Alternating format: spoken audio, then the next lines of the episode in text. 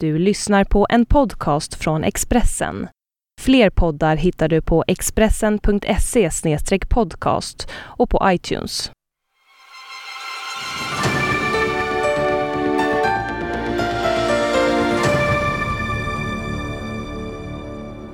Välkomna till Pilblad och Svensson, programmet som håller koll på de sociala medierna och där vi också frågar ut makthavare. Och en makthavare behöver inte nödvändigtvis vara en politiker. Det kan vara en person som påverkar många andra. En sån som till exempel fotografen och konstnären Elisabeth Olsson Wallin, vår huvudgäst idag. Välkommen hit! Tusen tack! I programmet berättar vi också om en ny undersökning från Novus om svenska folkets tilltro till försvaret. Vi håller koll på vad som har hänt inom de sociala medierna och vi följer förstås det ni skriver och kommenterar på vår hashtag TVPS. Min programledarkollega Niklas Svensson är inte med i studion idag utan han befinner sig i New York. Men han medverkar ändå i programmet på olika sätt. Vänta så får ni se. Och när vi ändå pratar om New York och USA, låt oss eh, uppmärksamma en debutant på Twitter. Det är nämligen så att USAs tidigare president Bill Clinton, han började twittra här i veckan. Här ser ni en av hans absolut första tweets där han bland annat uppmärksammar att även Bill Gates finns på Twitter. Just den här tweeten retweetades 10 000 gånger, Elisabeth. Det alltså- är eh, fler retweets än vad du någonsin ja, har fått, visst. tror jag. Det är otroligt. Vad många, kul att han är ute. Hur många retweets har du fått som mest? Som mest? 17 tror jag.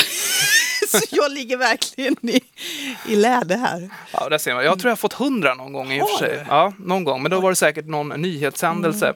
Mm. Eh, Bill Clinton är inte den enda som twittrar i USA förstås. Niklas Svensson har spanat om de sociala medierna i USA. Och så här låter hans rapport.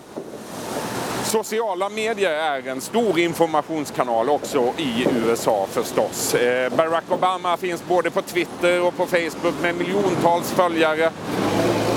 Polisen här i USA finns också med sina Twitterkonton och under Bostonbomberna så fick vi ju se Bostonpolisen agera eh, på ett sätt som svensk polis egentligen aldrig har gjort. Man informerade befolkningen om att de skulle stanna hemma Eh, och det gjorde man via Twitter. Och man gick snabbt ut med information om att eh, eh gärningsmannen var gripen.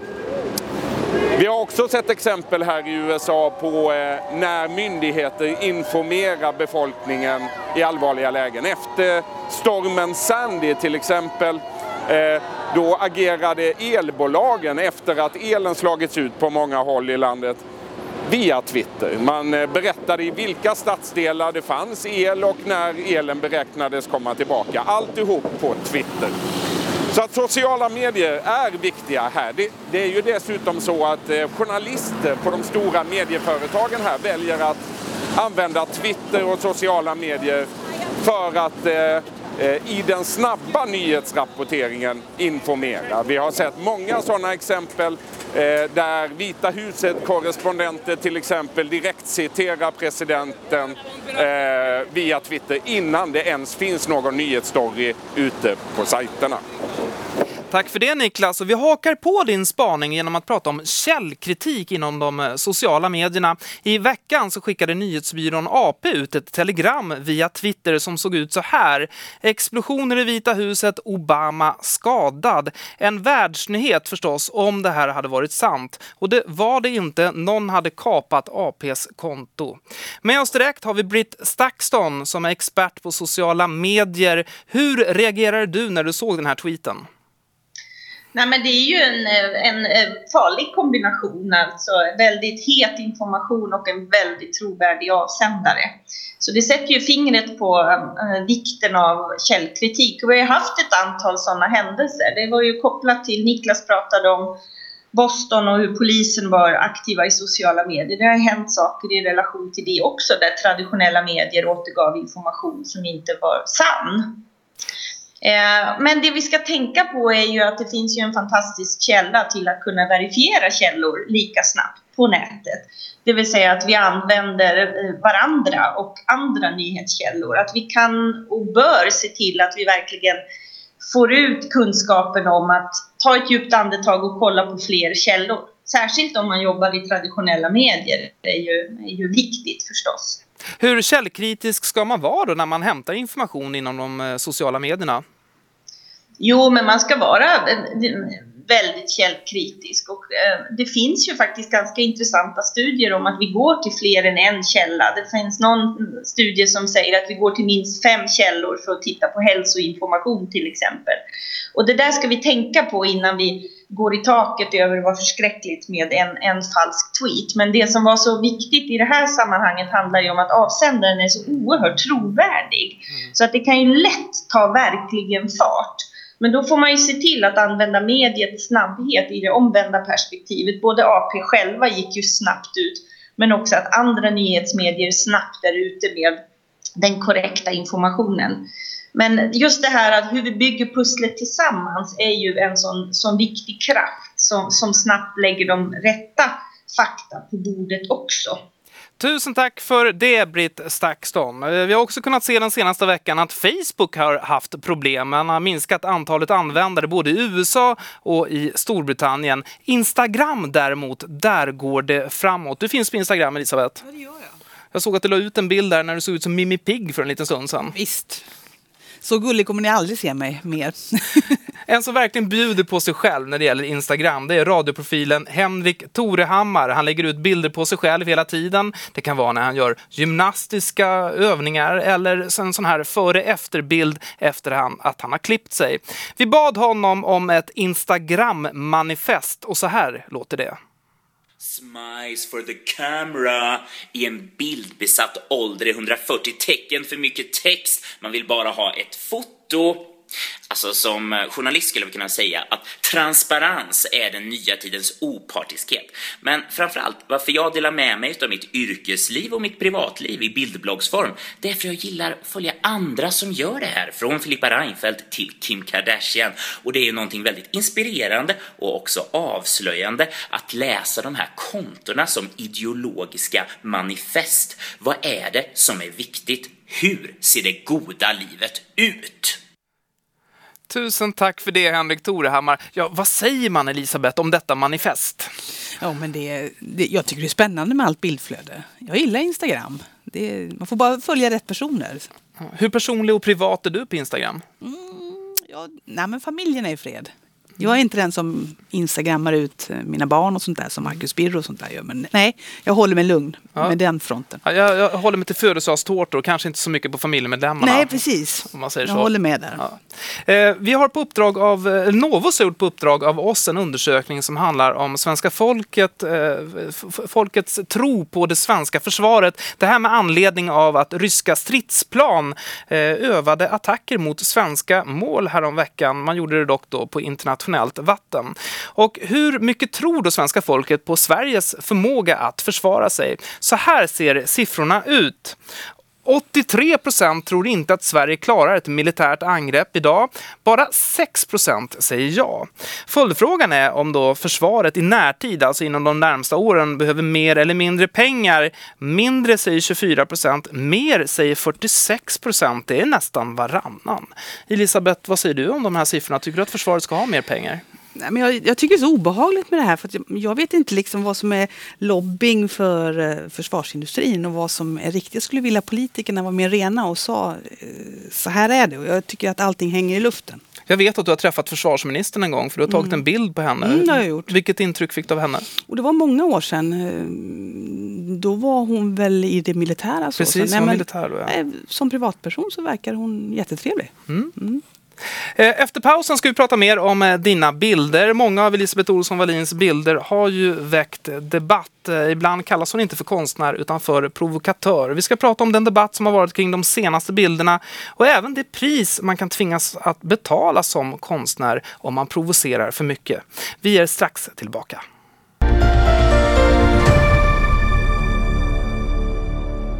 Välkomna tillbaka till Pilblad och Svensson. Vår huvudgäst idag är Elisabeth Olsson Wallin, konstnär, fotograf. Men ibland finns det de som inte kallar dig det, de säger provokatör. Har du tänkt på det? Ja, visst. Det, jag är lite trött på det. Det känns som att man, de som säger det använder provokatör först innan konstnär. Det är de som bara vill skjuta mig åt sidan för då slipper man ju ta i det jag gör. Hur, hur tänker du då? Nej, men då behöver man inte fortsätta analysera det, den bild jag har gjort. Utan det är bara provokativ skit, den lägger vi åt sidan. Så det, Är det sätt att trycka ner dig, tror du? kanske inte trycka ner, men att eh, sl- slippa ta mig på allvar. Att slippa liksom ta de budskap jag håller på att jobba med i min konst. Liksom. Att försöka analysera det på ett seriöst sätt. S- Satiren har ju fått stort utrymme i din konst eh, de senaste åren. Eh, vi- Den, eh, en av de mest uppmärksammade konstverken som jag tror har gjorts de senaste åren det är ju Kungamiddagen som det heter. En bild där vi ser kungen i centrum eller om det är La Camilla som är i centrum. Vi ser också drottningen som sopar ett hakkors under mattan. Och skurar. Ja, skurar. Skurar skurborste. okej. Eh, den här, ångrar du att du gjorde den här bilden? Nej, det gör jag inte. Eh, Det har varit väldigt tröttsamt eh, och väldigt arbetsamt att ha gjort den. Men när jag skapade bilden, den gjorde jag tillsammans med mm, åtta stycken satirbilder. Så tog det ju mig ett år innan jag vågade visa kungamiddagen. För jag visste ju vilka krafter som finns i Sverige. Du satt på den i ett år. Ett år, ja. Va- Varför? Tve, du tvekade, du kände tvekan alltså? Ja, men det var ju mest rent krasst ekonomiskt. För att jag är ju, är ju beroende av att vara en uppdragsfotograf. Och eh, busar man med eh, hovet, det vet jag ju historiskt sett andra konstnärer som har busat med hovet. Man går aldrig ostraffat utan man får något slags straff på vägen. Den här bilden fick ju, eller det här konstverket fick ju enorm uppmärksamhet. Vilket blev ditt straff eftersom du själv använde Ut det i ordet? kylan ett tag. Och vad innebär det? Ja, det innebär att en del vågar inte anlita mig som fotograf för att eh, de är rädda att ta ställning och ha mitt namn under bilder och sådär. Att man tar ställning emot hovet. Alltså det är väldigt, det är, det kanske inte folk tänker på, men det är väldiga krafter bakom ett hov. Men, men, men hur, hur illa var det? Var du nära konkurs? Ja, men inte, ja, jag hade gått i konkurs om jag inte snabbt hade bytt studio till exempel eh, och eh, dragit ner på mina kostnader och sånt. Absolut. Du har fått betala ett väldigt högt pris för den här bilden. Jo, men det är alltså... mm, Det låter töntigt och pengar är inte allt, utan det är så svårt. Har man kommit på en bra bild som man känner är viktig för att eh, skapa en debatt, då är det så himla svårt att liksom tänka den visar inte jag för jag hamnar i lite trubbel. Utan det, det är liksom någonting som kanske konstnärer i sig, att man gör konstverk efter, för man har frågor att ställa. Och här hade jag frågor att ställa. Eh, Eh, men, men det är också så att eh, det var ju väldigt starka reaktioner. Du kallade det till presskonferens och många upplevde att du bad om ursäkt för bilden. Gjorde du det? Nej, inte bilden. Det är många som, jag har fått så mycket tråkiga reaktioner. Andra konstnärer som tyckte att jag var töntig som sa med ursäkt. Men jag sa ju ursäkt som privatperson till drottningen och rekommenderade att hon skulle skaffa sig en bättre stab runt sig. Som informerar hovet om hur konsten fungerar. Att, till exempel att satir ska vara elak. Och det, är liksom, det var ju nästan, jag tyckte nästan synd om henne som kvinna då. Liksom. Och jag har också bett om ursäkt till Camilla. Men jag har inte tagit eh, tillbaka någon ursäkt för konstverket. För konstverket är viktigt. Men det finns andra konstnärer som tycker att jag är jättetöntig. Men jag kommer alltid göra det på mitt sätt. Är, är du republikan? Nej, Det är det inte. nej. Idag när vi spelar in det här så fyller kungen år. Du, du firar hans födelsedag. Nej, det kanske jag inte gör på det sättet. Men jag har aldrig liksom, jag har liksom inte velat vara med i något parti. och Jag vill helst inte vara med liksom, jag, jag kan inte gå med i att kalla mig ateist, vara med i Humanisterna och jag skulle inte kunna vara republikan. Utan jag vill bara liksom vara jag och, och göra mina små verk. Och, Eh, Eh, en annan, ett litet verk ska jag inte säga, säga att det är, men en bild som blev väldigt uppmärksammad det är en bild på, på Fredrik Reinfeldt. Och eh, Niklas Svensson som är i New York, han har lite tankar kring den bilden och eh, han ställer nu en fråga till dig. Efter skandalerna med Carema och andra vårdföretag bestämde sig uppenbarligen fotografen Elisabeth Olsson Wallin för att göra ett politiskt statement. Vi fick se ett fotomontage med statsminister Fredrik Reinfeldt iförd blöja. En bild som väckte väldigt starka reaktioner. Jag undrar hur Elisabeth Olsson Wallin skulle agera om eh, ett av de här vårdföretagen, till exempel Carema, hörde av sig och ville anlita henne som frilansfotograf. Skulle hon tacka ja till det jobbet och har hon, har hon fått den typen av uppdrag och hur har hon i så fall agerat tidigare? Ja, vad svarar du på det? ja, idag hade jag inte gjort det. Men jag har samarbetat med ett privat företag för länge, länge sedan. Jag gjorde en utställning med Livet med tiden med ett eh, privat eh, företag.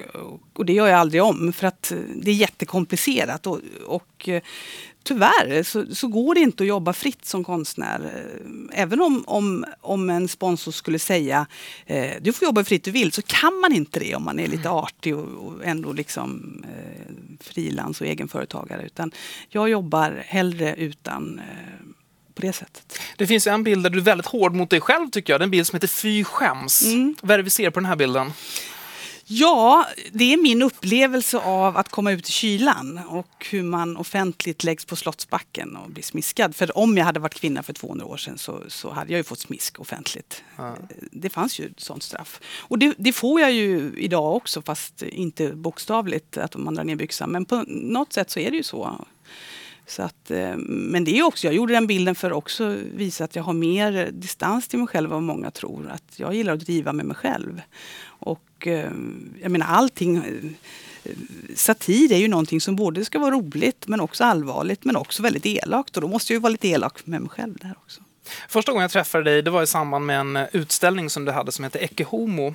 Eh, som en oerhört känd eh, utställning med bilder som provocerade väldigt många, provocerade många kristna. Eh, den här utställningen, får du fortfarande mycket frågor och kritik för den? Ja, det får jag. jag. Igår var jag i Växjö och undervisade elever och så. Inte för att jag får kritik, men jag märker att elev, alltså utställningen Ecce Homo finns fortfarande och de var ju bara 16 år. De var ju knappt födda. Så att, eh, men det är klart, den visades i Belgrad förra året eh, och där var det 2000 poliser som bevakade utställningen och den kunde bara vara öppen i en, en natt. Så att den utställningen lever sitt eget liv på något sätt. Sen följde du upp med en utställning som heter Jerusalem, också mm. rätt eh, provocerande bilder. Eh, mycket naket till exempel vid, mm. vid, vid, eh, väldigt, vid platser där religionen har ett väldigt starkt inflytande. Kan du förstå den här starka kritiken som du ändå fick?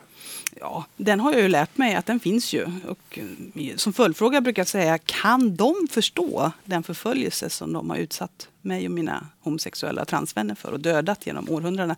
Så att egentligen så, så blir det lite fjuttigt, den provokationen som de känner. Utan det här handlar om, Jerusalemutställningen handlar om ytterst om demokrati och mänskliga rättigheter. Jag läste, jag läste en del eh, kristna tidningar, eh, krönikor, där det står så här eh, om de homosexuella och vi kristna. Mm. Den uppdelningen. Vad säger Men det är så det? hemskt. Alltså, det är så hemskt. Det är precis som de tror att en homosexuell kan inte vara troende. Jag hjälper just nu en troende muslim att försöka få, upp, eh, få, få asyl i Sverige. Mm. Och de, han får också samma fråga. Men hur kan du vara, de tror att han skojar när han söker asyl i Sverige. Du är homosexuell och muslim. Alltså, mm. tror du på Gud? Alltså, det är en sån fråga som är så fruktansvärt kränkande för de troende. Eh, du har tagit många porträttbilder också. Mm. Vi måste bara visa min ja. absoluta favoritbild som du har tagit. Vad säger du om den här? Ja, men den här har jag så fint minne av. Den är, det, är, det är två kvinnor där som eh, ja, men, två stora kvinnor som jag verkligen beundrar och Lena Nyman som har funnits med liksom så länge i ens liv och, och inspirerat mig. Liksom. Så det, jag är väldigt glad att jag fick ta den bilden. Ja, jag vet att den fanns på hennes rum också under hennes sista dagar. Du, I det här programmet så ställer vi i slutet alltid en fråga. Mm. En eh, hemlig fråga. Gabriel Wikström fick eh, förra veckan frågan Kommer Maria Montazami att åka ur Let's Dance? Oh. Vi ska se vad han svarade här. Oh. Du kan öppna den. Har du själv fått frågan om att vara med förresten? I Let's Dance? Ja. Nej. vad, vad svarar du när de ringer? Jag svarar nej. Nej, men man får ju lära sig dansa. Alltså, nej, det är alldeles för... Um Ska vi se vad han svarade. Normigt. Nej, har han svarat. Och han hade ju faktiskt rätt. Hon höll sig kvar i Let's Dance. Du ska också få en fråga. Den kommer Niklas Svensson att bjuda på. Vi ska lyssna oh. på vad han säger här. Om bara några timmar avgörs Inma Award, tidningsvärldens Oscarsutdelning. Frågan till dig nu Elisabeth är, hur kommer det att gå för mitt tv-program Bar och politik? Kommer vi att ta hem det här priset eller inte? Skriv ja eller nej på kuvertet som du nu har framför dig eh, och lämna över det till Anders så öppnar vi det nästa program. Absolut, och det blir ju lite hemligt så du får skriva ner här nu precis vad du tror och klistra igen kuvertet. Eh, vi kommer samtidigt också att visa en bild som du tog på mig en gång i samband med att eh, jag hade skrivit en bok som handlar om mediedrev. Jag är väldigt glad över den här bilden och eh, jag kan också berätta för de många som frågar att det var faktiskt bara en hund med. Resten trollade Elisabeth med. Nästa vecka är vi tillbaka med en ny gäst. Då är det LOs ordförande Karl Petter Thorvaldsson som är med oss. Det finns många frågor vi kan ställa till honom. Niklas Svensson kommer att vara med här också i studion. Elisabeth, tack så mycket för att du var med. Tack, det var kul vi att komma syns. hit. tack. Vi syns nästa vecka.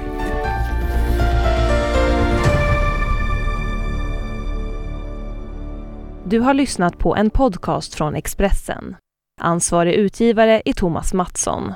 Fler poddar hittar du på expressen.se podcast och på iTunes.